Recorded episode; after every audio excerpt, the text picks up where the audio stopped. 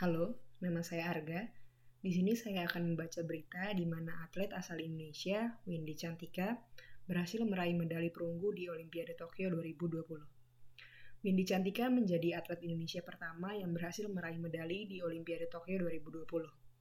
Windy Cantika merupakan atlet angkat besi putri Indonesia yang kini masih berusia 19 tahun. Turun di kelas 49 kg putri, Windy Cantika sukses meraih medali perunggu pada hari Sabtu 24 Juli 2021, Sabtu siang waktu Indonesia Barat.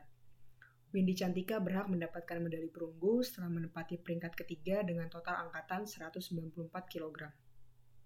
Total angkatan terbaik Windy Cantika adalah 84 kg yang didapat pada kesempatan kedua.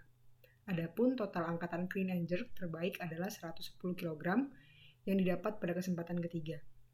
Windy Cantika menempati peringkat ketiga tepat di bawah Ho Zihui dari Cina dan Chanu Mirabai dari India.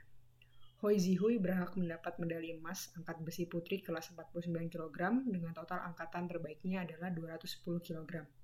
Di sisi lain, Chanu Mirabai sukses mendapatkan medali perak dengan total angkatan terbaiknya 202 kg. Angkatan total Windy di Tokyo 2020 seberat 194 kg ini merupakan peningkatan besar dari event kejuaraan Asia yang pernah berlangsung di Uzbekistan pada April 2021 lalu. Ketika itu, ia mengangkat total seberat 189 kg, dan berkat keberhasilan tersebut, Windy berhak mendapatkan tiket ke Olimpiade Tokyo 2020. Selamat untuk Windy Cantika Aisyah atas medali perunggunya.